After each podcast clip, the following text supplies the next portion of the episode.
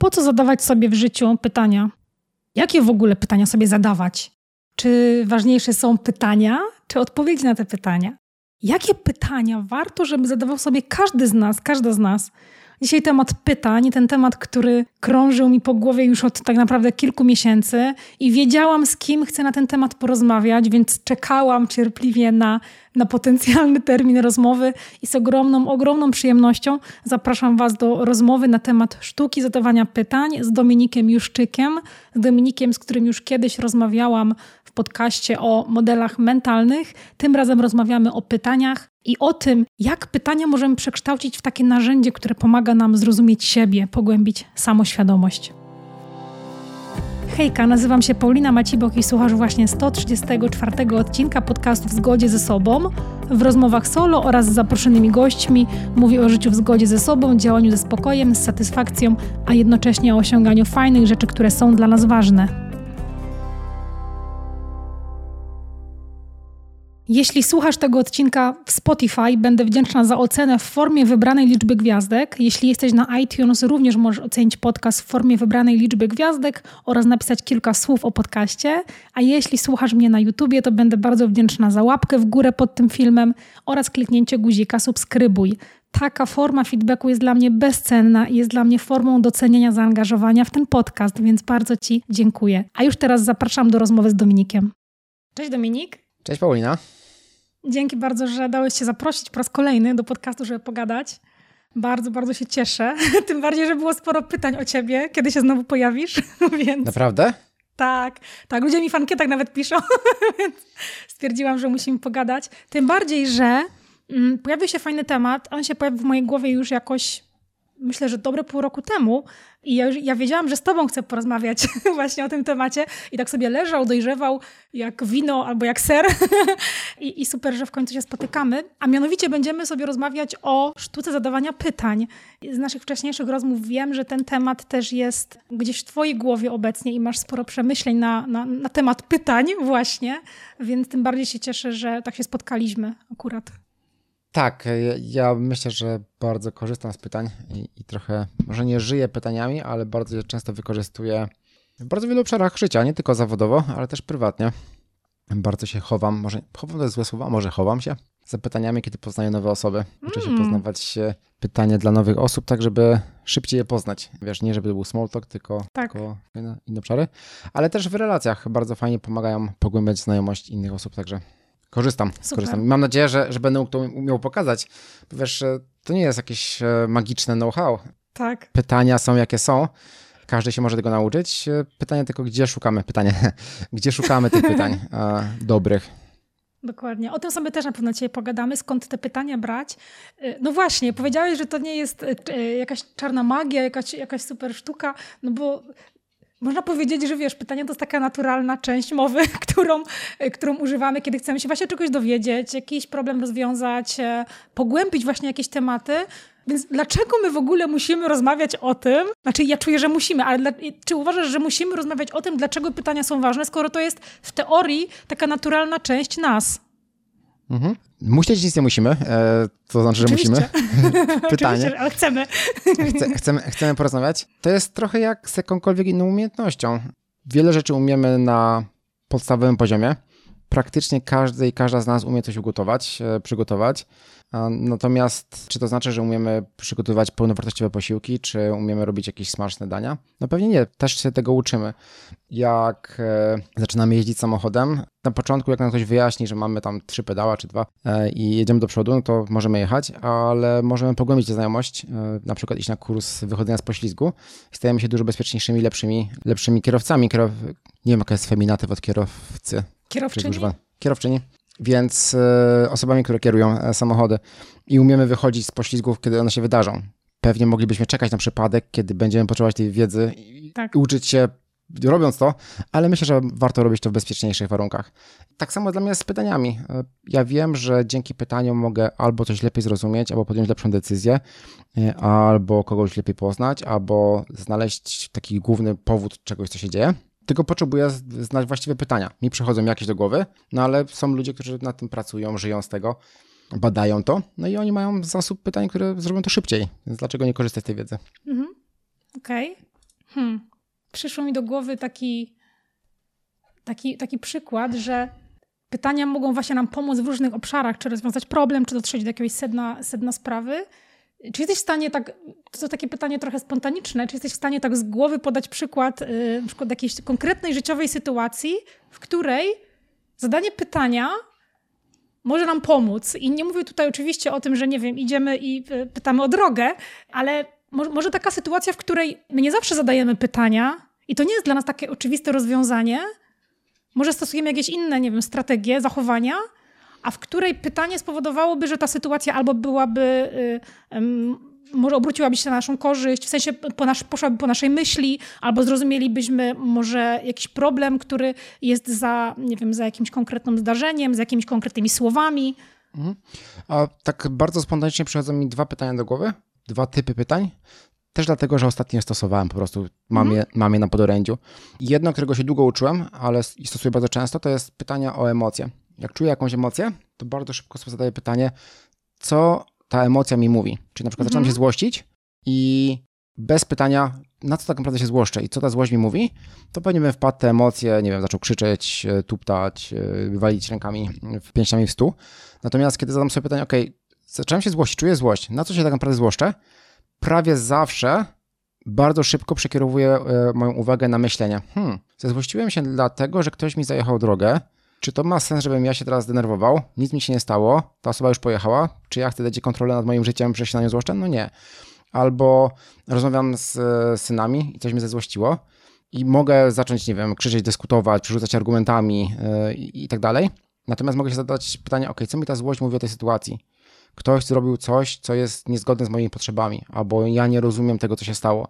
Więc jaki jest najlepszy kolejny krok, który mogę tu zrobić? I to pytanie, co mi ta emocja mówi, bardzo szybko mi przekierowuje z zanurzenia się na emocje, na regulację emocji i przekierowanie na działanie. Więc to jest jeden, jeden typ e, sytuacji.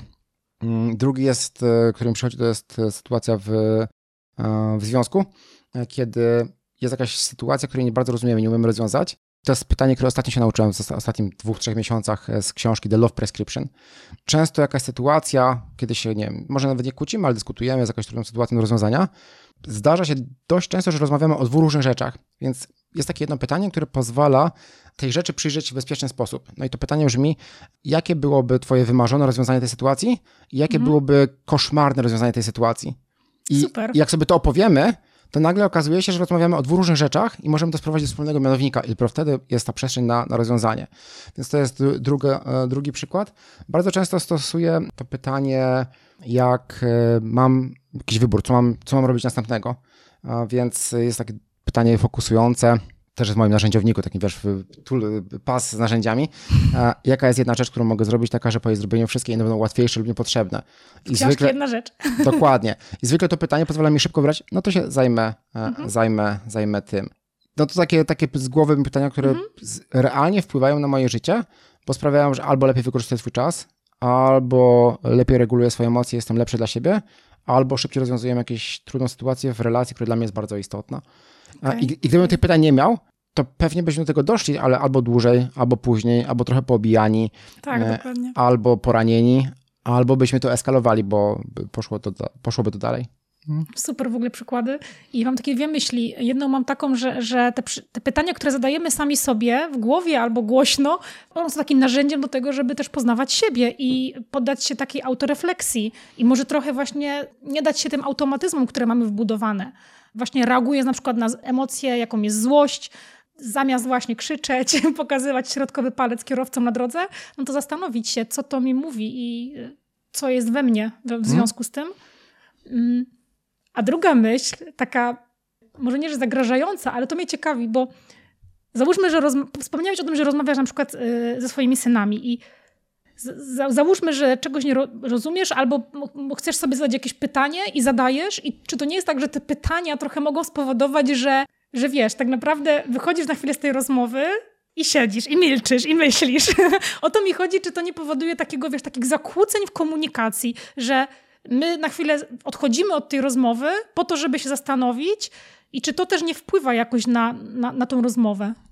To może wpływać w taki sposób na rozmowę, o ile nie komunikujemy procesu ja często w rozmowie mówię, wiesz, poczekaj, e, wchodzę w tryb myślenia, daj, daj mi chwilę, przychodzą mi różne myśli do głowy, chciałbym, chciałbym wybrać tę, która jest najbardziej właściwa. Mm, albo mówię, nie mam teraz szybkiej odpowiedzi, daj mi chwilę, potrzebuję pozbierać myśli. Druga osoba wie, dlaczego ja milczę. Nie dlatego, że nie mam niczego do powiedzenia, mhm. albo że się obraziłem, albo że jestem myślami okay. gdzie indziej, tylko pokazuje, że ja jestem tak, jestem w kontakcie z tobą, ale to jest ten moment teraz, kiedy zbieram myśli, żeby jak najlepiej w tej rozmowie być. To jest jedna rzecz, a druga, no to jaka jest alternatywa?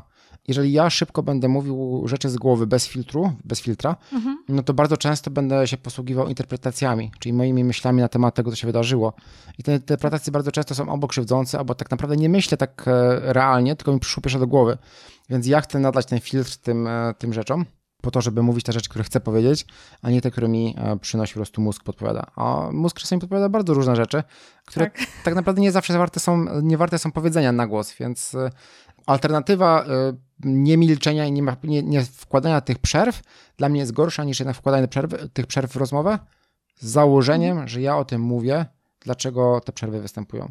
I to zazwyczaj bardzo pomaga. Super w ogóle rozwiązania, czyli to, że powiedzieć komuś, że potrzebuję teraz zabrać myśli, daj mi chwilę, bo zapytałam o to dlatego, że ja sama kiedyś miałam tak, że jak ktoś mnie coś pytał, to ja czułam taką potrzebę natychmiastowej odpowiedzi, żeby, wiesz, wyjść na kompetentną, żeby wyjść na osobę, która, wiesz, wszystko wie.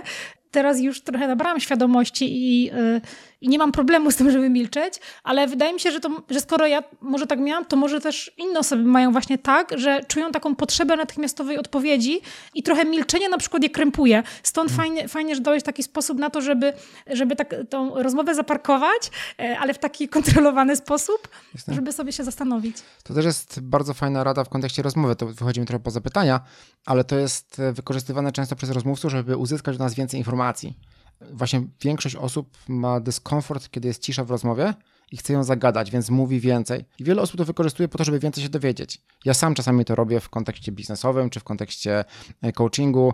E, wiem, że jak chwilę pomilczę, to często osoba powie coś więcej i dzięki temu się więcej dowiaduje.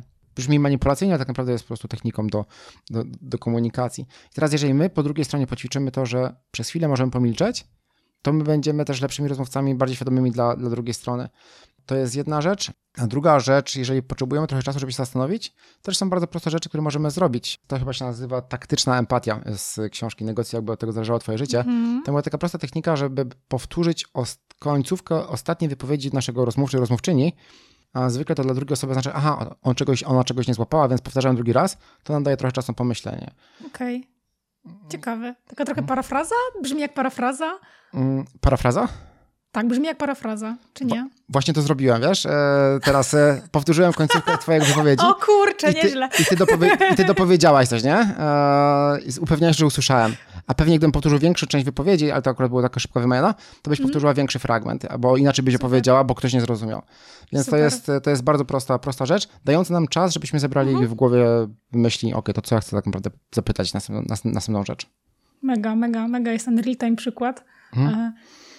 Tak teraz myślę, czy, czy nie jest też tak, no bo żyjemy trochę w takich, znaczy trochę, nawet bardzo, żyjemy bardzo w czasach instant i wszystko jest, wiesz, gotowe, wszystko jest wygodne, wszystko jest natychmiast, ta natychmiastowa gratyfikacja jest dosłownie wszędzie.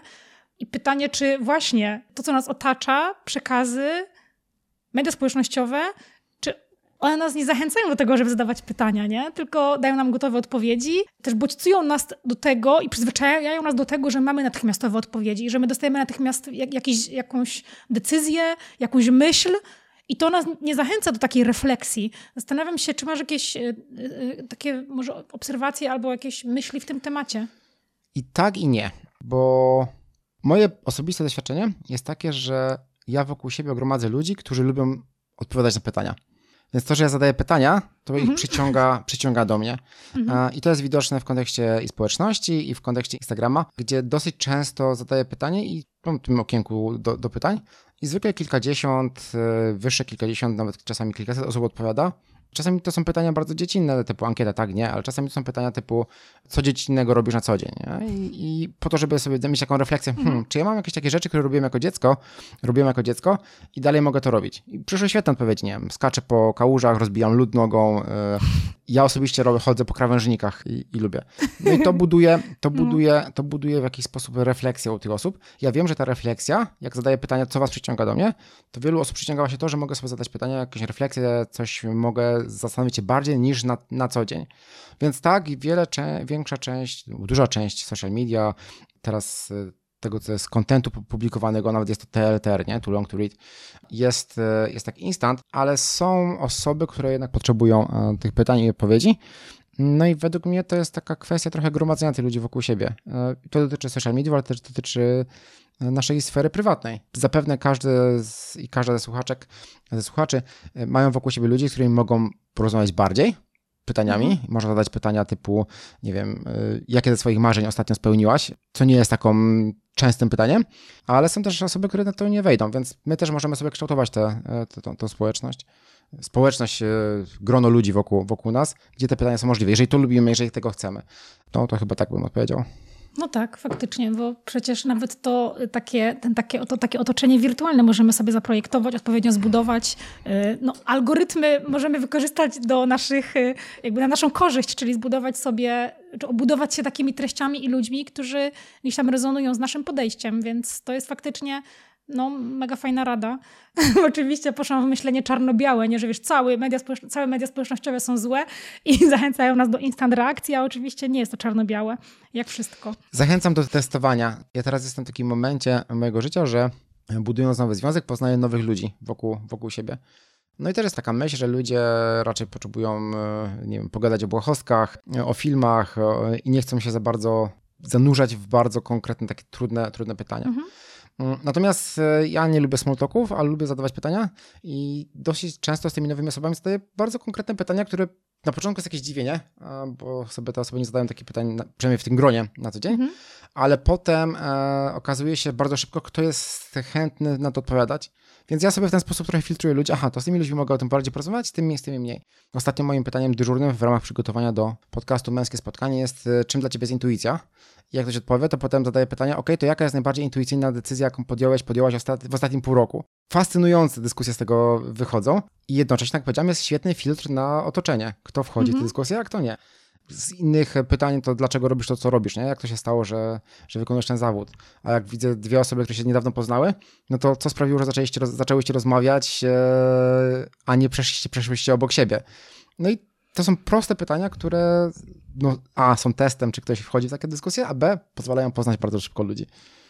Super, w ogóle kradnę to i spróbuję, przetestuję to w jakimś nowym środowisku, bo jak teraz myślę o poznawaniu nowych osób, no to zazwyczaj, wiesz, nie wiem, czy inne osoby też pewnie tak, to, to raczej pojawia się takie pytanie, wiesz, y, czym się zajmujesz, gdzie pracujesz, co robisz u pracy, takie, wiesz, bardzo może nie, że płaskie, no bo to też dotyczy czyjegoś życia, ale nie wchodzą aż tak strasznie głęboko, nie? W jakąś tożsamość, w jakieś może marzenia, pragnienia. Ale te pytania mogą być też bardzo fajnym wejściem, nie? Jak ktoś zapyta, pomina, co, co robisz, to powiesz, co robisz, albo czym się zajmujesz? O, ciekawe, nie wiem, nie wiem na czym to polega. Jak się tego uczyłaś? Co ci w tym sprawia największą przyjemność? E, kiedy czujesz się tym zmęczona? W jaki sposób współpracujesz z innymi osobami? Kiedy, kiedy masz przestrzeń na to, żeby odpoczywać? No i to jest seria pytań, które mogą być z takiego pierwszego pytania bardzo prosto e, to, co, czego potrzebujemy, trochę ciekawości. Jeżeli my posłuchamy tak. odpowiedzi tej osoby, która odpowiada na to pytanie, to tam zawsze jest coś, o co, o co warto dopytać, co nas zaciekawi, że chcemy to pogłębić.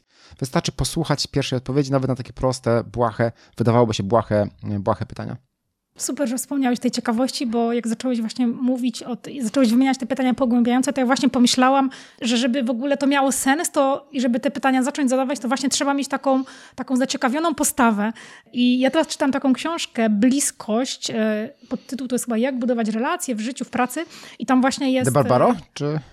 Nie, nie, nie. To, nie pamiętam, jak kto jest autorem. Ani Hall, czy takiego, nie okay. pamiętam. Mm -hmm. Tak, mhm, czy mhm. nie, chcę, nie chcę tutaj skłamać, mm, ale właśnie w tej książce jest e, informacja, czy informacja, taka wskazówka, żeby przyjąć postawę takiego zaciekawionego obserwatora. Zresztą ta postawa jest wymieniona w wielu książkach. Taki zaciekawiony obserwator, czyli mm -hmm. właśnie pogłębianie, nie po to, żeby coś mówić, tylko po to, żeby właśnie wyciągnąć jakieś takie ciekawe rzeczy z, e, z odpowiedzi Jasne. drugiej osoby. Nawet to, co powiedziałaś teraz, e, Paulina, proste pytanie mi przychodzi do głowy. Jak trafiłaś na tą książkę? Dlaczego ją czytasz? Co z niej do tej pory wyciągnęłaś? Tak, komu, byś ją, komu w twoim otoczeniu byś ją poleciła? Jak zapisujesz notatki z tej książki? Z czym ta książka ci się kojarzy? Gdzie czytałaś o tych konceptach gdzie indziej? I tak dalej, i tak dalej, nie? Więc z prostej ciekawości, z jednej informacji, czytam książkę Bliskość e, mhm. autorki XYZ, e, popatrz, 5-6 pytań, które dla mnie są ciekawe, nie? Bo, bo, mówią mi trochę o tobie. E, jestem ciekawy nie samego procesu, tylko ciebie w kontekście tych, tych pytań. Super. Ale teraz się tak się zastanawiam, że tobie to może przyjść prosto, bo jesteś otoczony pytaniami i bardzo dużo, dużo pytasz. To jest dla ciebie coś takiego naturalnego, ale mam odczucie, że może tak być, że dla kogoś nie do końca naturalne będzie takie zadawanie pytań pogłębiających, bo Mogę teraz się mylić. Oczywiście to są wszystko jakieś takie moje wspomnienia w głowie albo jakieś takie mm, założenia, ale wydaje mi się, że w procesie edukacyjnym nie byliśmy Oczywiście nie mówię, że zawsze, ale często nie byliśmy zachęcani do zadawania pytań pogłębiających. Nie? Pytałeś dlaczego, to ktoś ci mówił, nie interesuj się, czytaj albo rób ten test, odpowiedzi zero-jedynkowe, ABC, e, nie zadawaj pytań. Takie komunikaty gdzieś tam w mojej głowie zostają e, i ja na pewno się z czymś takim spotkałam w dzieciństwie, w młodości i jeśli ktoś jest, czy właściwie nie jest zachęcany do zadawania pytań przez lata, no to ta niechęć mu gdzieś tam zostaje, nie rozwija tej umiejętności przez to i gdy nawet przychodzi, o, przychodzi do pogłębiania pytania o, o taką książkę, co wydaje się takie, wiesz, bardzo proste, no to ta osoba nie wie, nie wie o co zapytać, nie wie jak w ogóle, z jakiego punktu, z jakiego punktu w ogóle wyjść i zacząć. Mhm. Użyłeś magicznego słowa umiejętność w kontekście, w kontekście pytań, ale też w kontekście ciekawości. Dla mnie to są umiejętności, czyli coś, czego się można nauczyć. Jasne, mamy różne predyspozycje i różny ten system operacyjny, czy ten fundament, w którym wchodzimy. E, ja zajmuję się też talentami Galupa, czy w ogóle pozytywną psychologią, która mówi o tym, że każdy z nas ma pewne rzeczy, które dla nas są łatwiej dostępne, które są mniej dostępne. Czy to będą talenty Galupa, czy Insight, czy Freeze, to są wtórne. No i ja wiem, że mam łatwość e, przyglądania się poszczególnej osobie i, i mam łatwość patrzenia na emocje. To jest coś, z czym wchodzę. Natomiast e, to wcale nie znaczyło, że zadawałem dobre pytania przez długi czas. Ja przez wiele lat zadawałem pytania zamknięte, czy jesteś Y, czy i tak dalej, na które można odpowiedzieć tak, tak lub nie. Natomiast w pewnym momencie stwierdziłem, trochę zawodowo potrzebowałem się nauczyć e, rozmawiać z ludźmi, a potem z tego szybko wykiełkowało, kurczę, dzięki tym pytaniom, które mam z kontekstu zawodowego, ja bardzo często mam fajniejsze, lepsze, ciekawsze rozmowy z ludźmi wokół mnie. Więc e, zacząłem inwestować proaktywnie swój czas, żeby tę umiejętność budować. Mhm. I ja to, że takie pytania mi teraz przychodzą do głowy, to nie jest e, wrodzone i nie wiem, z tym się urodziłem, tylko to jest wynik inwestycji w budowanie tej umiejętności, świadome budowanie tej umiejętności krok po kroku poprzez regularne ćwiczenia tak naprawdę. Okej. Okay. A jakie to ćwiczenia mogą być? Czy tu chodzi po prostu o to, żeby może czy pochłaniałeś jakieś konkretne treści od jakichś osób? No bo zakładam, że, że ta umiejętność też ci się wykształciła w toku prowadzenia rozmów w podcaście, bo to też jest y, przydatny, mm, przydatna, przydatna aktywność, która tą umiejętność na pewno wzbogaca, ale masz jakieś takie właśnie źródła, z których korzystałeś, które moglibyśmy polecić też jako takie pierwsze może kroki? Mhm. Wiesz to będzie pewnie złożona odpowiedź, więc proszę pilnuj mnie, żebym nie popłynął. E, Dobrze. Mm, pierwszy raz e, uczyć się zadawać pytania e, uczyłem się i pewnie miałem 27, 8, 9 lat. Byłem na studiach podyplomowych. Tam był przedmiot, nie pamiętam jaki, i w ramach tego przedmiotu mieliśmy takie ćwiczenie rozmowy pytaniami. Hmm. Dokładnie, rozmowy pytaniami otwartymi. To jest trudniejsza wersja niż rozmowa pytaniami.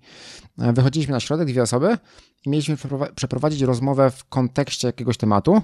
Mm, zadając sobie pytania otwarte, nie powtarzając tych pytań otwartych i trzymając się ogólnie tematu. I kto pierwszy zadał pytanie zamknięte lub stwierdzenie lub powtórzył pytanie, no to odpadał, wychodziła kolejna osoba o. i w ten sposób ćwiczyliśmy. Nie? I to była rozmowa typu, kiedy idziesz na obiad? Dlaczego mnie o to pytasz? Ile razy cię jeszcze muszę to zapytać, żebyś mi odpowiedziała? Skąd nagłe twoje zainteresowanie obiadem? Jak często ktoś cię pyta o obiad, nie? I tego, tego typu rzeczy. Im jest więcej tych pytań, tym jest mhm. trudniej. Natomiast to bardzo uczy po pierwsze, czym jest pytanie otwarte, czym jest pytanie zamknięte i buduje po pewnym czasie portfolio pytań. Pewnie czasami powtarzalne, czasami takich prostych, ale jednak buduje. I to jest pierwsze ćwiczenie, które ja, na które natrafiłem. E, jeszcze zanim za, za spotkałem talenty, zanim czytałem o coachingu, zanim czytałem książki o pytaniach, to, e, to, były, to było pierwsze ćwiczenie. E, potem w pewnym momencie trafiłem na kurs galupowy, jak miałem chyba 35 lat, a 34-35 lat i pojechałem na szkolenie galupowe coachingowe. Nie miałem wcześniej żadnego backgroundu coachingowego. Miałem doświadczenie menedżerskie, liderskie. Tam czasami w takich handoutach do rozmów jeden na jeden dostaje się listę pytań, które warto zadawać, więc tam miałem jakieś tam podbudowę. No i na tym kursie coachingowym, certyfikacyjnym, tam dostaliśmy portfolio ogromne pytań w kontekście, w kontekście rozmów o talentach, natomiast część tych pytań jest uniwersalnych. Więc to był drugi zasób, który uczyłem się ćwiczyć, ponieważ wtedy zacząłem też prowadzić wiele indywidualnych e, spotkań. Teraz tego nie robię, ale przypuszczam, że, że, że, że pewnie w grube setki, że nie w tysiąc rozmów takie odbyłem. Coaching polega na pytaniach. Jak zrobiłem sobie taką certyfikację, no to potem trafiłem na książki typu matko, yy, nawyk, yy, nawyk coachingu, coaching habit, on jest o pięciu, sześciu pytaniach e, w takich od których warto się odbić. No i są takie książki, które, e, które, które o tym mówią. Chyba jest też taka książka Myśl nad pytaniami. Ja na nie mhm. chyba spoglądam jakieś bardziej podsumowanie niż nawet je czytałem. I to była, e, to była druga, trzecia aktywność w moim życiu i one mnie doprowadziły do takiego miejsca, gdzie tak naprawdę intensywnie zacząłem uczyć się pytań, co robię przez ostatnie 3-4 lata. Mam taką notatkę w moim notatniku elektronicznym, nauka zadawania dobrych pytań i teraz za każdym razem, jak trafiam na jakieś pytanie, które mnie zainteresuje, ja tam zapisuję i je ćwiczę. Trafiam na te pytania w rozmowach, w książkach, wideo, w podcastach, w jakichś kursach, szkoleniach, na warsztatach itd. Tak Jeżeli słyszę jakieś pytanie, które mnie zaciekawiło, no to bardzo szybko sobie zapisuję. I na przykład ostatnim pytaniem, które zapisałem jest od Brené Brown. Czytałem, czytam jej książkę Atlas Serca. No i mam notatkę pytania od Brené Brown. Czy uważasz, że ludzie starają się najlepiej jak umieją? Działają najlepiej jak umieją? Pytanie zamknięte. Pytanie zamknięte. Dokładnie, ale bardzo mhm. spowodujące myślenie, kurczę, tak. nie, nie, nie, nie, nie myślę jak działam. Dlaczego? Ja myślę odwrotnie. I z tego powstaje dobra, dobra, dobra rozmowa. Nie? I nie, wcześniej mam od, Grama, e, od Adama Granta zapisane, gdybyś nie wykonywała swojej pracy, jaką pracę chciałabyś wykonywać? Zatrzymuje ludzi, od razu jest rozmowa, o kurczę, gdyby nie było żadnych ograniczeń, mhm. a, czy są jakieś ograniczenia, jestem za stary, za młoda, żeby to robić, świetne rozmowy z tego wychodzą. Więc jak słyszę pytanie, to ja sobie tam zapisuję. Mam tam kilkanaście dobrych stron y, pytań i te pytania potem ćwiczę. Y, moi znajomi wiedzą, mhm. że czasami przyjdę z pytaniem z nie wiem jak to powiedzieć ładnie, bez, bez brzydkich słów. Chyba wiem, co chciałeś powiedzieć i też z kosmosu, z kosmosu. I, i, i, I się tego przyzwyczaili, odpowiadają i ja w ten sposób testuję te pytania. Albo właśnie z tymi nowymi, nowymi znajomymi, które poznaję, albo w podcaście. E, podcast po drodze też pozwalał mi bardziej nawet nie tyle się uczyć zadawania pytań, co testować te pytania w praktyce. Uczyć się zadawać je. Mam portfolio pytań, czyli nie tyle, że w podcaście uczyłem się pytań, tylko miałem już pytania, które uczyłem się zadawać e, zgodnie z flow. Też słuchać bardziej. Podcast mnie bardziej nauczył słuchania niż zadawania pytań tak naprawdę, bo w odpowiedziach jest kolejny wątek, kolejny wątek i kolejny, kolejny wątek. No, więc zapisuję sobie te pytania, testuję, dzielę sobie na kategorie, nie wiem, dobre pytania, podejmowanie decyzji, weryfikacja założeń, pytania do negative visualization, e, pytania nawet czasami kontekstowe. Jak od jednej osoby dużo ciągnę pytań, to mam pytanie od Piotrka, nie? albo pytania od, e, od e, Marii, albo pytania od Dominiki. No i tych pytań jest kilkaset, myślę spokojnie. Ostatnio trafiłem na bardzo fajne pytania do introspekcji. 40 pytań do zadania sobie co rok 40 pytań do zadania sobie co dekadę. I na przykład. Ciekawie zapisuję. E, mogę podesłać linki potem e, i pokazać. O, super. I te, te pytania potem na przykład wykorzystuję w rozmowie z bliskimi osobami. No, zresztą podam przykład takiego pytania. E, nie wiem, czy ja tu mogę udostępniać ekran? Chyba nie w czasie tego wideo. Nie mogę, Możesz. mogę. To, Możesz to, chyba, to, jest taki to, przycisk share. Dobra, to, to otworzę, bo nagrywamy z wideo, prawda? Tak. No to pokażę przykład takich pytań z E, Co prawda będzie tylko widoczne na YouTubie, więc można iść na YouTube, jeśli prze, właśnie prze, słuchasz nas na Spotify. Prze, przeczytam je tak. Zobaczymy, czy nic nie wybuchnie, e, żaden system e, i, i zobaczymy. Dobra. One są po angielsku, więc sobie przetłumaczę. Tu jest lista 40 pytań. No i weźmy sobie, podaj jakiś numer, Paulina, od 1 do, do 40. Nie, nie patrzę na pytanie, dobra. Uh, what is the trade you most deplore in others? No i czasami nie wiadomo, co znaczy deplor. No właśnie, też nie wiem. Chyba, od, chyba, od, chyba odrzuca albo ubolewać, tak, e, odrzuca, e, która najbardziej, okay. najbardziej wkurza. No i od razu dla mnie jest pytanie, ok, nieszczerość, kłamanie, oszukiwanie, e, niebycie, niebycie szczerym w stosunku do mnie. No i znowuż Super. można o tym porozmawiać, dlaczego, jak często się to zdarza, co robisz, tak dalej, nie? Bardzo fajne do introspekcji, w sensie zadawania sobie rzeczywiście co dekadę i zapisywania tych pytań za 10 lat, zapisanie, jakie są nowe odpowiedzi, ale też można przejść je po prostu jako swego rodzaju, rodzaju grę. Szukam też, e, Paulina, takich różnych narzędzi. Mam na przykład dwa deki kart, teraz jest ich pełno w języku polskim też, typu... Yy, miałem z The School of Life e, deki mhm. pytań. E, jedne są takie bardziej filozoficzne, drugie są, to jest nawet taka gra, że jest pięć kategorii pytań e, i kostka, którą się rzuca i tam są pytania z, z dziedziny w kontekście rodziny, kariery, pieniędzy, relacji i seksu. Więc pięć, pięć obszarów pytań, rzucasz kostką, no i ta osoba losuje pytanie z tej kategorii druga i odpowiadają na głos. Super. Bardzo znowuż A, fajnie, dobrze się rozmawia. B, jak tam wypadnie jakieś pytanie, które mnie intryguje, no co robię? Zapisuję w mojej notatce e, do nauki zadawania dobrych pytań, po to, żeby je wykorzystywać częściej. E, I chyba tę ostatnią aktywność, aktywne szukanie pytań, zapisywanie, testowanie robię najczęściej e, i to mi najbardziej pomaga się uczyć, uczyć zadawania pytań. Mega, mega w ogóle. Tyle mam teraz pytań kolejnych. Tak, to może pierwsze. Y, wiem, że, że masz taki zbiór pytań, bo o tym piszesz często w newsletterze i ja ukradam sobie ten pomysł i też mam zbiór pytań, ale ja tam czasem, czasem nawet wrzucam pytania, ale najgorsze jest to, że ja z nimi nic nie robię. I teraz czuję się zainspirowana w dwóch kierunkach. Po pierwsze, super w ogóle brzmi to, żeby te pytania brać i testować na przykład w rozmowach z bliskimi albo z jakimiś nowo poznanymi osobami. To brzmi bardzo fascynująco i, i, spróbuję to robić. A drugi pomysł, jaki mi się w głowie narodził, jeszcze nie wiem, czego zrealizuję, to jest wybranie może takich pytań. Może na przykład pytanie właśnie, co innego byś w życiu robił, gdybyś no, nie robił tego, co robisz i może zadawanie gościom w podcaście takich pytań, zawsze tego samego pytania. Wiem, że czasem podcasterzy mają taki zwyczaj, że zadają zawsze to samo pytanie, i to w sumie brzmi ciekawie bardzo. Masz takie pytanie na przykład do Tima Ferrisa, nie? Gdybyś e, mógł na billboardzie mhm. umieścić, mogła na billboardzie umieścić e, jakiś jeden przekaz, taki, że nie bezkosztowo, że wszyscy to widzą, to mhm. jaka byłaby to wiadomość? Mega. To mega jest tego, tego typu pytania, nie? Super, Adam, Grant, Adam Grant w podcaście zadaje pytanie, jaką decyzję ostatnio przemyślałeś, albo czegoś ostatnio oduczyłaś, oduczyłaś. A, w kontekście, w kontekście jego książki tak, Leniwy Umysł tak, tak, Think Again. Umysł. To pytanie też mam na tej liście, czegoś ostatnio oduczyłeś, bo też właśnie zaczęłam szukać pytań właśnie głównie w książkach, w podcastach, też w twoich podcastach, twoich newsletterach, w książkach mm. właśnie, na przykład Gładama Granta, czy w książki typu Jedna Rzecz, Esencjalista. No tych pytań zawsze jest dużo. Teraz skończyłam ledwo co 4000 tygodni i tam też było jakieś jedno pytanie chyba, jaka jest y, kolejna najbardziej potrzebna rzecz, jeśli dobrze pamiętam. Więc faktycznie te pytania wchodzi na to, że są wszędzie. Ja z 4000 tygodni mam bardziej hardkorowe pytanie i mam je nawet zapisane w e, notatce w telefonie. Mhm. Jak otwieram telefon, e, to mam czasami, to akurat teraz mam, e, mam afirmację, ale mam czasami pytania, może szybko trafię je znaleźć. To jest pytanie, które ostatnio najczęściej zadaję. Nie wiem, czy będzie widać. Nie widać. Nie, może, rozmazuję, rozmazuję. O, tu może będzie. widzę. Za co dzisiaj chcę zapłacić moim życiem? O. To jest pytanie z 4000, 4000 tygodni.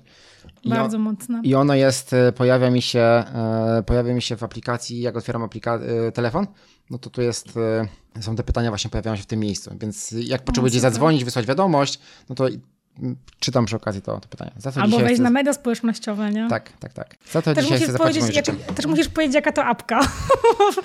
A... Dużo różnych narzędzi i e, list dzisiaj w jest, tego odcinka. Jest zarówno, e, zarówno na Androidzie i na iOSie. Ona się nazywa IM, jak ja jestem po angielsku. IM. Okay, to ja Am, spacja sobie. M. Ja zapisuję i sobie po rozmowie sprawdzę, bo brzmi mega ciekawie. Ja lubię właśnie takie, takie narzędzia. Chyba od ciebie też wzięłam aplikację Momentum. Hmm, Czy ty o niej mówiłeś? Chyba tak, ty o niej ona jest w Chromie, e, z cytatami, tak. z przypomnieniami, mhm, z ustawieniem fokusu dnia. Super, super, że takie właśnie przypominajki y, mogą, mogą gdzieś tam w, siedzieć w tych urządzeniach, których używamy, bardzo często też właśnie tak bezrefleksyjnie. Mam też takie pytanie, bo bardzo często mówi się w różnych kontekstach, w różnych kanałach, w różnych miejscach, że to, takie, to jest takie bardziej powiedzenie albo taka filozoficzna myśl, że, nie, licz, że nie, nie, liczą się odpowiedzi, albo że nieważne są odpowiedzi, tylko ważne jest pytanie. I ja zastanawiam się, jakie masz spostrzeżenia na temat tej myśli. Mm, nie, chyba się nie zgadzam. Pytania są ważne, pytania skłaniają do myślenia, przemyślenia, ale warto umieć na nie odpowiadać i, słuchać odpowiedzi. To w odpowiedziach jest pomysł na kolejne pytanie. Pytam po coś. Pytam nie po to, żeby, żeby usłyszeć kolejne pytanie albo zadać pytanie i przestać słuchać, tylko pytam po to, żeby, żeby poznać, zrozumieć, mm, dowiedzieć się czegoś, nauczyć, mhm. zmienić zdanie, więc bez odpowiedzi to byłoby, byłoby trudne. I tak pytania skłaniają, uruchamiają proces myślenia i tutaj zdecydowanie warto umieć pytać, ale nie kończyłbym na pytaniu, tylko, tylko bym jednak poczekał na odpowiedź i drążył do odpowiedzi. Jakkolwiek przyjemne zadawanie pytań, dla mnie jest przyjemne, mhm. tak naprawdę na koniec e, chciałbym nie zakończyć kropką, e, wypowiedzią, która się kończy w tym momencie. Ciekawe bardzo. Zastanawiam się, skąd się w ogóle to powiedzenie wzięło i... A jakie, jest twoje, jakie jest twoje podejście do tego? Mieszane. Mam teraz w głowie taką myśl i ja też uważam, że czasem przyjrzenie się jakiejś sprawie, na przykład poprzez zadanie pytania, już powoduje, że zmieniamy perspektywę. Na przykład w kontekście pytań zadawanych samych sobie, właśnie w kontekście emocji, o których powiedziałeś. Już samo zastanowienie się i zadanie pytania, dlaczego ja czuję złość, pozwalać czegoś się o sobie dowiedzieć i może też zatrzymać jakąś taką automatyczną reakcję, może do tej pory taką e, szkodzącą tobie albo innym. I samo zadanie tego pytania już coś robi. Wiadomo, że fajnie, gdybyśmy na to pytanie sobie odpowiedzieli, czyli skąd ta emocja się wzięła, co ona nam mówi, czy ona zaraz przeminie, czy, czy co mogę z nią mhm. zrobić, jak mogę się od niej trochę zdystansować. Ale myślę, że sam ten moment już zadania pytania też jest ważny i czasem nawet nie trzeba odpowiadać, żeby właśnie na przykład mieć jakiś z tego pozytywny efekt. No ale czym jest ten efekt? Na przykład właśnie jaki, zatrzymaniem jakiegoś automatycznego zachowania. Załóżmy, że czujesz złość narastającą i chcesz wrzasnąć na kogoś wręcz. I może samo zadanie pytania, na przykład co ja robię, albo dlaczego ja to robię, albo skąd ta emocja we mnie, może pozwala, tak wiesz, tak zatrzymać się, powstrzymać się od tej takiej szkodliwej reakcji hmm. i się zastanowić. I oczywiście za tym zastanowieniem się pewnie pójdą, pójdą odpowiedzi, ale nawet jeśli nie pójdą, no to to jest pewnego rodzaju taki, takie stop nie? mentalne, Wydaje mi się, że mówimy o tym samym, wiesz? Bo dla mnie takie pytanie typu, ok, dlaczego to robię, bo mhm. coś, co się teraz dzieje i nawet bez podania werbalnej odpowiedzi, kiedy powiem sobie w głowie, nie wiem, też jest odpowiedzią, tylko nie, nie wypowiedzianą. Czy nazwiemy to odpowiedzią, czy zatrzymaniem, czy uważnością, a tak naprawdę zadajemy pytanie po coś, więc y, mówimy chyba o tym samym tak naprawdę. Okej, okay, mhm. okej. Okay. No w, w, w mojej perspektywie. Zastanawiam się, co autor miał na myśli, y, autor tego powiedzenia, bo skąd się musiał wziąć to powiedzenie, że nie liczą się odpowiedzi, tylko pytania. Zastanawiam się, co autor miał na myśli w takim razie. Jeżeli się znajdzie, wiesz, oryginał cytatu, to jest strona, nie pamiętam raz jej tytułu, nazwy, która śledzi e, skąd dany cytat pochodzi. Więc o. można e, wyśledzić, czy dana osoba rzeczywiście powiedziała. Często się przypisuje coś Einsteinowi, czy tam Markowi Twainowi. tak. Więc można sprawdzić, tak. czy na pewno Einstein, czy Twain, czy ktokolwiek inny to powiedział. E, nie wszystkie cytaty tam można znaleźć, ale gdybyś znała oryginał, to można spróbować wyśledzić. E, pewnie można wygooglować na stronę. Ciekawe, ciekawe. Ile Dominik, ty znasz super narzędzi, naprawdę. Bo słucham. Bardzo przydatne. A, właśnie, widzisz. Tak. Ach, ciekawe, bardzo ciekawe. Zastanawiam się teraz, na co, na co się skazujemy, jeśli my tych pytań w ogóle nie zadajemy sobie, innym. Już wydaje mi się, że trochę wykrystalizowało się z naszej rozmowy, na co się skazujemy, na niezrozumienie czegoś na przykład, ale czy uważasz, że jeszcze mm, na coś, co może nie jest takie oczywiste dla nas? Dla mnie pytania są trochę o połączeniu, o ciekawości, o, o relacji, e, zwłaszcza w kontekście innych osób. Brak pytań w relacji. Znowuż ostatnia, ostatnio przyswojony termin, bardziej termin niż, niż, niż jakaś technika, z książki The Love Prescription o relacjach. E, bardzo fajna książka w ogóle o relacjach. I tam jest taki koncept The Love Map, że mhm. my tworzymy sobie, jak poznajemy nową osobę, tworzymy sobie taką mapę miłości, mapę do drugiej osoby. Zaczynamy poznawać, ok, co cię cieszyło, jak byłaś dzieckiem, e, co robiłaś, o czym marzyłaś, kiedy chciałaś, myślałaś, że będziesz robić w przyszłości, e, najlepsze wakacje, najlepsze urodziny, czego, nie wiem, jaką kawę lubisz i tego typu rzeczy, nie? I e, tam jest też powiedziane, że na początku robimy to naturalnie, no ale potem z czasem przestajemy aktualizować tę mapę, mapę miłości. No i na przykład pytania są świetnym narzędziem do tego, żeby aktualizować tę mapę, no bo każdy z nas się, z nas się zmienia. Więc dla mnie pytania to jest tak, e, jesteś dla mnie ważny, ważna, chcę się o tobie dowiadywać, e, interesujesz mnie, chcę aktualizować informacje o sobie, dlatego zadaję te pytania. To jest jedna rzecz. E, w kontekście samego siebie, samej, sobie, samej siebie, to jest chyba trochę o tym, że, że budujemy cały czas świadomość siebie. Mm, dowiadujemy się skąd pewne automatyzmy, to jest trochę o rozwoju. Ciężko się rozwijać, kiedy nie sprawdzamy, dlaczego robimy to, co robimy, albo dlaczego myślimy to, co myślimy, albo dlaczego umiemy coś, co umiemy, skąd się to, to, to, to zadziało. Jeżeli nie zadajemy sobie pytań, no to jest trochę stagnacja i, i stoimy w miejscu. Więc e, to dla mnie jest historia o, o rozwoju, uczeniu się i brak pytań w stosunku do siebie trochę oznacza właśnie taką zatrzymanie się i, i tracimy, tracimy tę taką umiejętność no, zmiany. To trochę też jest o odwadze, z wiedzą jest tak, że jak się czegoś dowiemy, to się ciężko tego odwiedzić. Nie da się. Był chyba jakiś taki film z Jimem Carreyem, z tych serii poważniejszych, Eternal Sunshine, kiedy e, bohater po bolesnym rozstaniu z ukochaną e, chciał wymazać z pamięci i była jakaś procedura, która na to pozwalała. Mhm. Tam nie będę spoilerował, co się działo potem, to naprawdę piękny film, ale też trudny. No nie mamy w rzeczywistości takiej, takiej możliwości, żeby wymazać jakąś wiedzę. Więc jeżeli zadajemy pytanie i czemu chcemy się czegoś dowiedzieć i się tego dowiemy, no to już jest nasza odpowiedzialność, co z tym zrobimy. Więc to też jest o odwadze poszerzenia swojej wiedzy. Jest od Brené Brown takie bardzo ładne słowo, które ja nie umiem przetłumaczyć na, na polski, vulnerability. Taka otwartość, trochę otwartość na nowe ze świadomością, że mogę być zraniony. No i to trochę właśnie mhm. jest o vulnerability. Jeżeli nie zadajemy pytań, no to, to nie dajemy sobie przestrzeni na to, żeby dowiedzieć czegoś nowego, ale to też jest o ryzyku, no bo w procesie możemy dowiedzieć się czegoś trudnego. Dla mnie na początku, jak się dowiadywałem, że moja wiedza, którą byłem przekonany, dałbym się metaforycznie, ale pewnie, no metaforycznie pociąć, okazywała się, że jest nieprawdziwa, to było trudna rzecz. No ale z drugiej strony wolę jednak mieć tą zaktualizowaną wiedzę, niż tkwić się w, w niewiedzy. To jest odwaga też poznawania innych punktów widzenia. Jeżeli teraz y, żyjemy w świecie, który jest tak bardzo spolaryzowany, podzielony, y, odwaga zadawania pytań, ale nie z poziomu osądu i tego, że ja wiem lepiej, tylko z takiej ciekawości, że nie rozumiem, no to to jest właśnie odwadze, a może oni mają rację, a może w tym innym poglądzie, który tak bardzo zwalczam od lat, jest coś, e, mhm. E, coś e, co, z czym rezonuję. Więc dla mnie to też jest o takim przestrzeni na, na no, no, no właśnie zmianę, połączenie, poznanie. Hmm? To tak bym chyba powiedział. Jest bardzo piękne w ogóle i no to jest trudne, jak teraz o tym myślę i, i tak myślę właśnie o twoich odpowiedziach, to jest mega trudne, zwłaszcza w tym świecie, który jest spolaryzowany i zwłaszcza, że jesteśmy trochę narażeni, narażeni na, na wszystkie te efekty psychologiczne, jak efekt potwierdzenia, dajmy na to, czyli to, że szukamy dowodów, faktów, informacji, które się zgadzają z, nas, z naszymi takimi dotychczasowymi poglądami, więc e, naprawdę wymaga odwagi i takiego też e, wyjścia poza swoją bańkę po prostu, no bo siedzimy sobie w jakichś tych bańkach. Wiesz co, e, przypomniała mi się jedna, jedna rzecz, teraz czytam taką książkę mm, Obcy we własnym kraju Właśnie mhm. próbowałem znaleźć tytuł. Yy, taki jest tytuł, jeszcze powiem autorkę.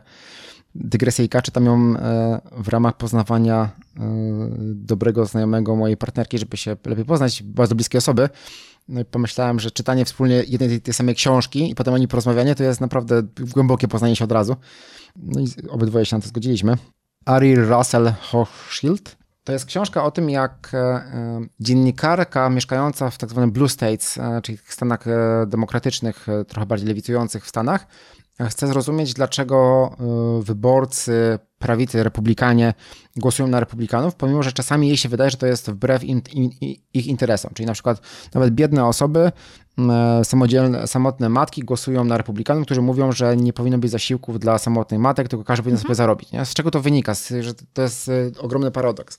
I ona mówi o czymś takim jak e, mur empatii, że jeżeli tak długo jak ona podchodzi na zasadzie chce zrozumieć, ale czuję, że to jest coś dziwnego, że oni tutaj są biedni, nie rozumieją czegoś i chcę zrozumieć, dlaczego tak myślą, czyli podchodzę z takiego poziomu, że ja wiem lepiej, chcę, chcę cię poznać, ale wiem lepiej, no to jest ten mur empatii. E, e, ty, biedna, biedny, myślisz w ten sposób, czegoś pewnie nie rozumiesz. Ja chcę zrozumieć, dlaczego tego nie rozumiesz.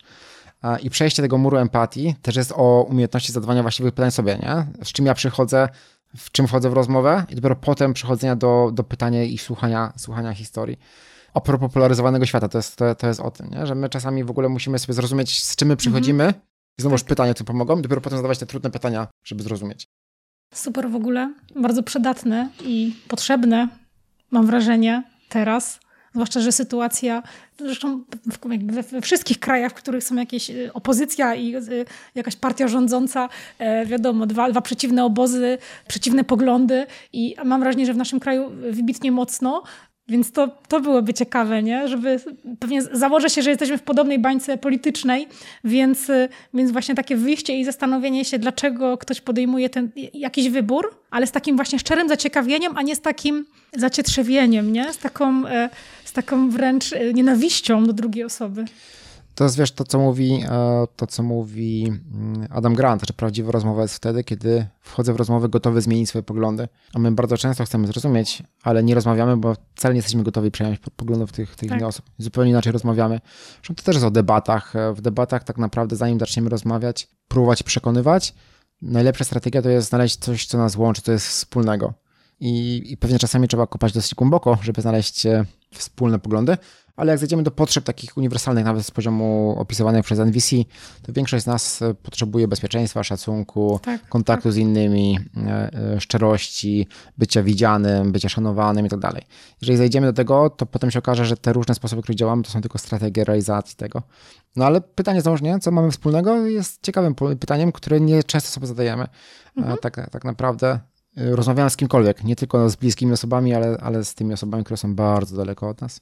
Tak, tak, tak. tak. Szukanie punktów wspólnych to jest piękne, w ogóle piękna, piękny nawyk w rozmowach, y, zwłaszcza z ludźmi, z którymi się nie do końca zgadzamy. E, mega ciekawe. W tym kontekście jeszcze jedno mhm. pytanie od Adama Granta, którego też się nauczyłem w kontekście Dawaj. debat. Jak widzę, że z kimś długo rozmawiam i nie ma szans, nie widzę szans na porozumienie, to czasami wprost zadaję pytanie, jakiego argumentu musiałem użyć, albo co byś musiało stać, żebyś zmienił zdanie? Jeżeli ktoś mówi, nie, nie ma czegoś takiego, to myślę, kurczę, wiesz co, to może nie ma sensu o tym rozmawiać, bo będziemy się przerzucać argumentami, które my uważamy za słuszne, a nawzajem uważamy za niesłuszne, to może strata naszego czasu, może chodźmy na kawę, na, na piwo, yy, porozmawiajmy o czymś innym, zamiast się kłócić o rzeczy, których nie jesteśmy w stanie zmienić. Ludzie bardzo ciekawie reagują na takie, na takie stwierdzenie, bardzo ciekawie. Piękne pytanie i w takim razie wcześniej skłamałam, jak mówiłam, że gromadzę pytania i nie z nimi nic nie robię, bo ja to pytanie właśnie zadaję ludziom. To ciekawe, że właśnie je przytoczyłeś. ja sobie przypomniałam, że, że to pytanie zadawałam i spotykałam się też z, takim, e, z taką odpowiedzią, że nic, jakby, że żaden argument mnie nie przekona. Więc hmm. faktycznie to jest bardzo, bardzo ciekawe. Tak, to pytanie też polecam w dyskusji takiej e, już gorącej zadać. Naprawdę mega ciekawe. Ja go bardzo używałem, jak było taki bardzo ten dyskusja widoczna o szczepionkach. Mhm. Często spotykałem się z osobami, które myślały inaczej. No i w pewnym momencie stwierdziliśmy, może nie ma sensu się kłócić. A dostawałeś jakieś, jakąś ciekawą odpowiedź na to pytanie? W sensie, że czy ktoś ci podawał argument, który przekonałby go na przykład do zmiany swojego stanowiska? Argument nie, ale mówił o potrzebach. E, tam było okay. dużo o tym, że ktoś nie czuje się bezpiecznie i nie ma pewności, że to będzie bezpieczne dla, nawet nie tylko dla nich, tylko dla ich dzieci. Mhm. Mm, I to był naj, najczęstszy, najczęstszy powód. I dwa, bardzo pokazywało, jak bardzo mamy różne źródła informacji.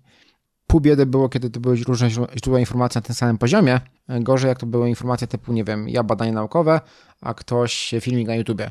No to była rozmowa, kurczę, mhm. to skąd my się w ogóle dowiadujemy o świecie? I ja wtedy tak. wolałem przekierować informacje, ok, to jak ty się dowiadujesz o świecie? Z ciekawości versus jak ja się dowiaduję o świecie, żebyśmy mogli w ogóle porozmawiać o tym, skąd budowaliśmy nasze światopoglądy. Odsuwaliśmy dyskusję o tym konkretnie rzeczy, bo było mhm. jasne, że się nie dogadamy tam, ale mogliśmy przynajmniej wymienić się informacjami, jak budujemy swój światopogląd. Ciekawe. Ciekawe, że to pytanie doprowadziło do zupełnie jakby innej dyskusji, znaczy podobnej, ale y, trochę głębszej. Fajnie, bardzo fajnie. Zastanawiam się teraz, ja wiem, że nie ma gotowych odpowiedzi w ogóle na życie i takich rozwiązań, które pasują dla każdego, ale czy uważasz, że są jakieś pytania, które warto, żeby każdy sobie zadawał, może regularnie? Wiesz co, wydaje mi się, że jest kilka takich, e, takich pytań. Ja, ja akurat znam w kontekstu przeglądu tygodnia. To są pytania typu, co robiłem w ostatnim czasie, co mi służy, a co bym chciał, chciała zmienić, po to, żeby się od samego siebie uczyć i żeby nie popełniać e, tych samych błędów. Bardzo ważnym pytaniem w kontekście ostatniego czasu, tego czasu, ostatnich kilkudziesięcioleci jest, jak ostatnio odpoczywałem, odpoczywałem, albo w ogóle jak o siebie, o, o siebie zadbałem, zadbałam w ostatnim czasie, po to, żeby mieć tę przestrzeń na regenerację. To są takie, e, takie pytania, które warto zadawać sobie co tydzień. Naprawdę uważam, że, że one zmieniają życie jeżeli są nawykiem regularnie zadawanym i z tygodnia na tydzień uczymy się kolejnych, e, kolejnych, e, kolejnych rzeczy o sobie, e, to, jest, to są te pytania. Codziennie rano warto zadać sobie pytanie, ok, to co ja dzisiaj tego dnia chcę, co, co sprawi, że ten dzień będzie, będzie dobry, po to, żeby ten czas wykorzystać. Takim pytaniem, które też dużo daje, on ja sobie często zadaję wieczorem, to za co dziś jestem wdzięczny, albo co dobrego dzisiaj się wydarzyło. To jest akurat rzecz, którą sobie z partnerką moją robimy. Codziennie wieczorem zadajemy sobie pytanie, po, wymieniamy się trzema rzeczami, które zapamiętamy z tego dnia. Jakie są trzy rzeczy, które z tego dnia zapamiętasz? Genialny, prosty sposób. A. Y, refleksji dla siebie samego. Mhm. B. Usłyszenia, co było ważnego dla partnera, Super. partnerki. A, więc to są takie, takie małe rzeczy, małe, małe, duże rzeczy, które się robi często. Myślę, że tak, takie pytanie, które warto sobie zadawać, a mało osób sobie zadaje, no to co jest ważne dla mnie w życiu. I nie trzeba sobie go zadawać codziennie, ale co jakiś czas usiąść, powiedzieć, zamyśleć, ok, to w jakim kierunku idę mm, i czy to jest dobry kierunek dla mnie. Myślę, że jest wartościowe. To nie musi być takie duże pytanie. Może powiedzieć, ok, czy ostatni rok był dla mnie dobry, lepszy niż poprzedni rok? Co sprawiło, że był lepszy? I taka prostą, prostą refleksję. To jest y, to pytanie. I jeszcze jeden taki typ pytania, który warto może nie tylko sobie, ale w interakcji zadawać to jest takie prawdziwe pytanie, jak się masz. E, ja się śmieję i moi znajomi też o tym wiedzą, że jak się mnie zapytają, jak się masz, to ja ich zapytam, ale o co ci chodzi, nie? W jakim kontekście, w jakim kontekście pytasz? No i zwykle jak powiedzą, ok, no to odpowiedz tak, abyś odpowiedział, to ja mówię mhm. o tym, jak się mam w ważnych dla mnie kontekstach. Relacyjnie, mhm. zdrowotnie i zawodowo. Więc e, to pytanie, jak się masz, jako otwierające i wyjaśniające, że pytam, tak naprawdę pytam, jak się masz, Paulina, nie? Co, co, co u ciebie jest ważnego? Mam, mam więcej czasu niż 3 sekundy na wysłanie odpowiedzi. E, to jest dobre, dobre pytanie z tym takim kontekstem właśnie wyjaśniającym. Ludzie szybko się uczą, że jak ja zadaję pytanie, jak się masz, to mają przestrzeń na to, żeby powiedzieć, jak się mają. Więc, Super. więc zbudowanie takiego kontekstu tego pytania. Tak na szybko tyle mi przychodzi do głowy. E, mhm. Pewnie jest więcej pytań, które zadaję sobie dosyć często, ale to jest bardziej kontekstowo. Te są uniwersalne, które wydaje mi się, że niezależnie od projektu, pracy, sytuacji życiowej, momentu w życiu, warto sobie te pytania, e, pytania zadać. Okej. Okay. A uważasz, że ważne jest na przykład sformułowanie odpowiedzi w określonym sposób? To znaczy, czy wiesz, czy my sobie odpowiadamy w głowie, czy my odpowiadamy sobie, ale w rozmowie z kimś innym, czy my na przykład spisujemy te odpowiedzi? To spisywanie mi przyszło do, do głowy dlatego, że wspomniałeś o tym pytaniu o wdzięczność, za co jestem wdzięczny, ja właśnie tak robię w dzienniku, to znaczy spisuję rzeczy, za które jestem z danego dnia wdzięczna wdzięczna, bo to słowo powtórzone 10 razy już traci znaczenie w głowie. E, I zastanawiam się, czy uważasz, że na przykład zapisanie odpowiedzi na takie pytania ważne, czy one sprawiają, że to tak poniekąd zostaje nam bardziej w głowie, albo inaczej, czy to pozwala nam się trochę zdystansować od tych odpowiedzi? Mm. Myślę, e, e, przepraszam, za, oczywiście, ciszę. oczywiście. A, a propos tego, co mówiliśmy na początku, bo mam, mam tutaj dwie odpowiedzi filtr na to, tak proszę nałóż, że ja jestem osobą, która uwielbia zapisywać. Ja uważam, że zapisywanie to jest nie tylko zapisywanie myśli, tylko to jest myślenie. Ja wyciągam to, co jest w mojej głowie, widzę fizycznie na kartce papieru, więc mogę się go bardziej odnieść jako konkretnej rzeczy. To jest takie tangible, nie? namacalne. E, więc dla mnie na pewno zapisywanie odpowiedzi sprawia, że ja lepiej je rozumiem i mogę się do nich odnieść. Natomiast jest sporo badań, e, chociażby w kontekście notatek, e, które mówią o tym, czy bardziej warto notować e, na laptopie elektronicznie, czy bardziej mhm. ręcznie. Mówi o tym, że to, co jest zapisane, lepiej kodujemy w głowie, ponieważ tworzą się pewne asocjacje w mózgu z innymi, z innymi obszarami. Więc samo zapisywanie sprawia, że my to lepiej zapamiętamy a może przez to lepiej y, przyswoimy, a na pewno połączymy z czymś, co w naszej głowie już jest zapisane. No bo pamięć jest asocjacyjna, my zapamiętujemy nie zapis wideo, nie zapis audio, tylko łączymy z czymś po to, żeby to potem odtworzyć w jakiś, w jakiś sposób. Więc na pewno, niezależnie od osoby, zapisywanie będzie pomocne. Przy czym dla niektórych bardziej, dla niektórych mniej. Znam też osoby, dla których mówienie na głos jest trochę odpowiednikiem e, zapisywania, zwłaszcza w kontekście osoby, bo one wtedy zapamiętają, aha, tej osobie mówiłem XYZ, więc łatwiej mi to później przywołać. Mhm. Więc warto się przyjrzeć sobie, może poeksperymentować, co tobie bardziej służy, czy zapisywanie, czy, czy mówienie na głos. Natomiast na pewno uzewnętrznienie tych myśli jest wartościowe i skuteczne. Lepiej pamiętamy, możemy je lepiej zrozumieć.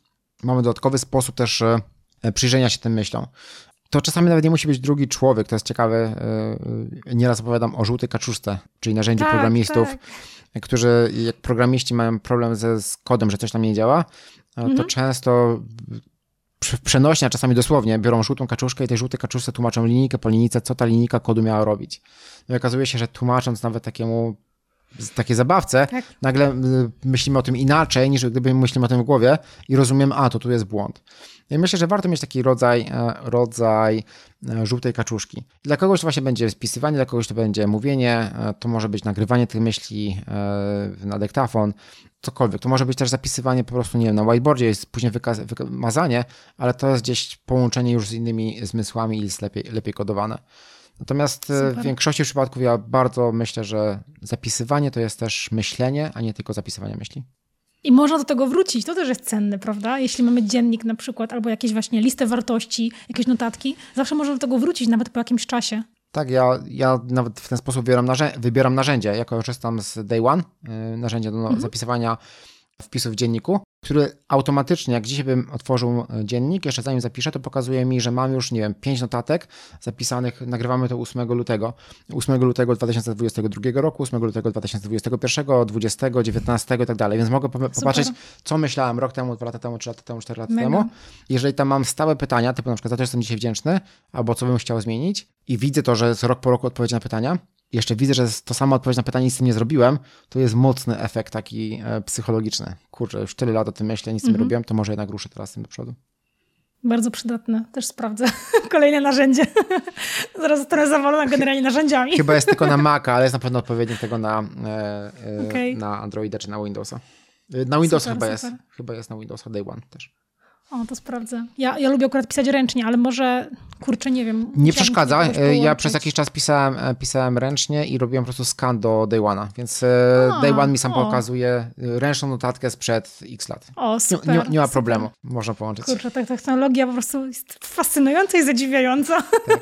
i rozwiązuje każdy problem, Szy ale też wiele problemów oczywiście daje. Tak, tak. Szybko sprawdziłem, Day One jest na MacBooka, iOS-a i Androida więc e, okay. na Windowsa Czyli na telefon. Okej, tak. okej. Okay, okay. No to do zrobienia na pewno. Pewnie, jest, pewnie są odpowiedniki e, tych, tych aplikacji na, tej aplikacji na Windowsa, więc do, do znalezienia. Mam takie pytanie już e, powoli zakończające. Ja już mam w głowie odpowiedź.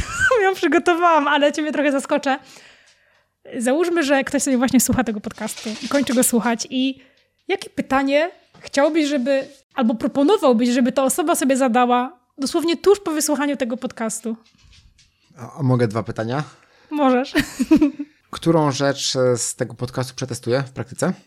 Super. Hmm?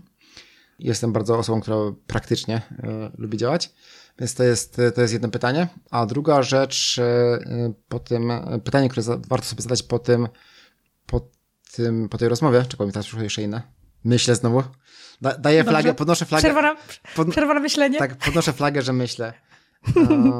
To jest pytanie kontekstowe, jak jestem w momencie życia, ale e, zadałem pytanie, jak ostatnio odpocząłam, odpoczywałem, co zrobiłem, żeby się zregenerować i zapewnić sobie, że mam przestrzeń. Bardzo rzadko zadajemy sobie to pytanie, raczej zadajemy pytania, co jest na to liście, co mamy do zrobienia, jakie jest kolejne zadanie. A ja bym mm -hmm. bardzo sobie życzył, żeby ludzie częściej myśleli, jak odpoczywałem, jak odpoczywałem jak regenerowałem, regenerowałem swoje siły. Więc zachęcam do zadania Super. takiego pytania sobie. Super, bardzo fajnie. Akurat ten temat jest u mnie na tapecie przez ostatnie tygodnie, więc y, na pewno zarezonuje. Super, dzięki Paulina, bardzo. Ja... Paulina, mhm. wyzwanie. Jak ostatnio odpoczywałaś? Jak regenerowałaś swoje o. siły?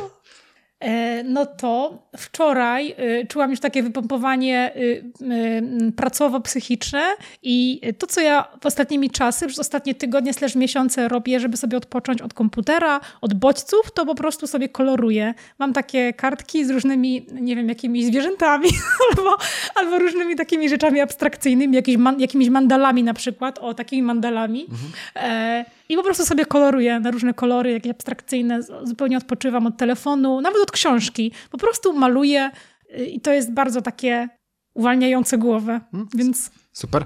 A to dla ciebie jest odpoczynek, czy raczej relaks? Wiesz co? Odpoczynek, relaks. Powiem ci, że te słowa brzmią synonimicznie. Mhm. Relaks to jest odwrócenie uwagi, e, skupienie się na czymś, co nie wymaga, e, nie wymaga skupienia, mhm. Odciągnięcie myśli. Odpoczynek bardzo jednoznacznie kojarzy mi się z regeneracją zasobów. Czyli jak odpoczywam, to na pewno wiem, e, że odbudowuję albo zasoby mentalne, albo zasoby mm, fizyczne, albo relacyjne i tak dalej. Tak naprawdę jest siedem typów odpoczynku jest wyznaczonych. E, nie, nie, nie, nie wiem, czy słyszałaś o, o siedmiu typach odpoczynku. Nie. Zaraz, zaraz zacytuję, zaraz znajdę, znajdę tę listę. Mm, natomiast Super. relaks e, wcale nie musi odpoczywać. Na przykład dla mnie relaksem czasami jest poskrolowanie Instagramu, ale wtedy nie odpoczywam mhm. wcale, nie? Mogę się relaksować, okay, okay, okay. Ale, ale, nie odpoczywam. Odpoczynkiem dla mnie jest spacer, drzemka, wyjście z psem, mhm. paradoksalnie bieganie, nie fizycznym odpoczynkiem, tylko mentalnym. Więc ja mam zapisane różnice między relaksem a odpoczynkiem po to, żeby wybierać, jak potrzebuję odpoczywać, to wybieram coś, co naprawdę robi restore, restore moich zasobów. Już szybko, szybko jako ciekawostkę mówię o Mega ciekawe. 7 typów nigdy o, tym tak, nigdy o tym tak nie myślałam. Tak. ale będę miała teraz pożywkę tak. do myślenia. To, to, jako, jako, jako mm, bonus do odcinka o pytaniach, siedem typów odpoczynku. Fizyczny odpoczynek, mentalny, sensoryczny, taki od bodźców, o. odpoczynek kreatywny, ładowanie baterii kreatywności, odpoczynek emocjonalny, społeczny e, i duchowy. Wrzucam, e, wrzucam link do, dam ci link tutaj na czacie, pewnie prześlesz do, Dobrze. Mm, do TED Talka na ten temat. E, Super, super. Wrzucę w opis odcinka. Z ostatniej rozmowy z tobą chyba też było milion linków, więc ludzie pewnie są już przyzwyczajeni i e, gotują te wszystkie zakładki otwarte w przeglądarce, żeby sobie wszystko obczaić, więc super, na pewno też to sprawdzę e, i, i mhm. będę może bardziej świadomie podchodziła do, do tego odpoczynku i relaksu. Z całego serca e, Ci tego życzę. Popatrz, to też było pytanie uzupełniające. Powiedziałaś, jak odpoczywasz, ja Ciebie posłuchałem i było pytanie to, czy to był relaks czy odpoczynek. E, mhm. I, I, dzięki temu mogliśmy trochę lepiej, mocniej tak. porozmawiać. I, I, wychodzimy z tego z głębszym zrozumieniem siebie nawzajem. Więc... Tak, bardzo ciekawe, bardzo ciekawy mechanizm.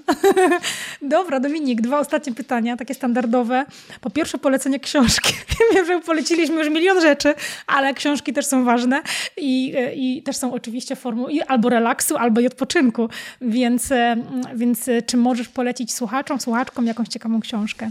Jedną, czy mogę więcej? Możesz więcej.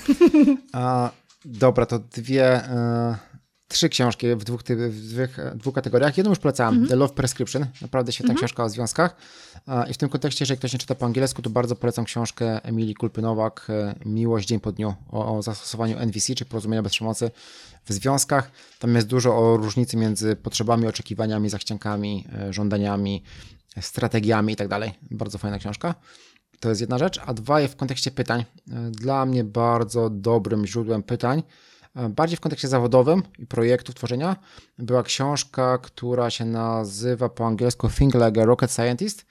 Ostatnio ją przetłumaczono na polski i chyba się... Myślę jak naukowiec? Nie, e, właśnie, tytuł jest dziwny po polsku. On się nazywa, już sprawdzam, Odpal myślenie.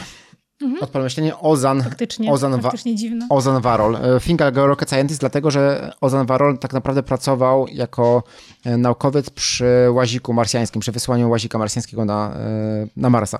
Więc dlatego like rocket scientist.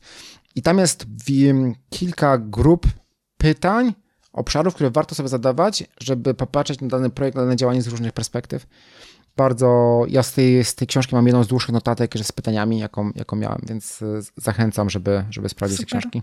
Super, wrócimy na pewno. Ja tą książkę kojarzę jako polecenie od ciebie, tylko chyba nie z naszej rozmowy, ale to musiało być z newslettera albo y, gdzieś z Instagrama i mam ją tak. pewnie na liście nawet. Ona przeszła jakoś y. tak bez, bez echa, bo ona wyszła mniej więcej w tym samym czasie co Think Again.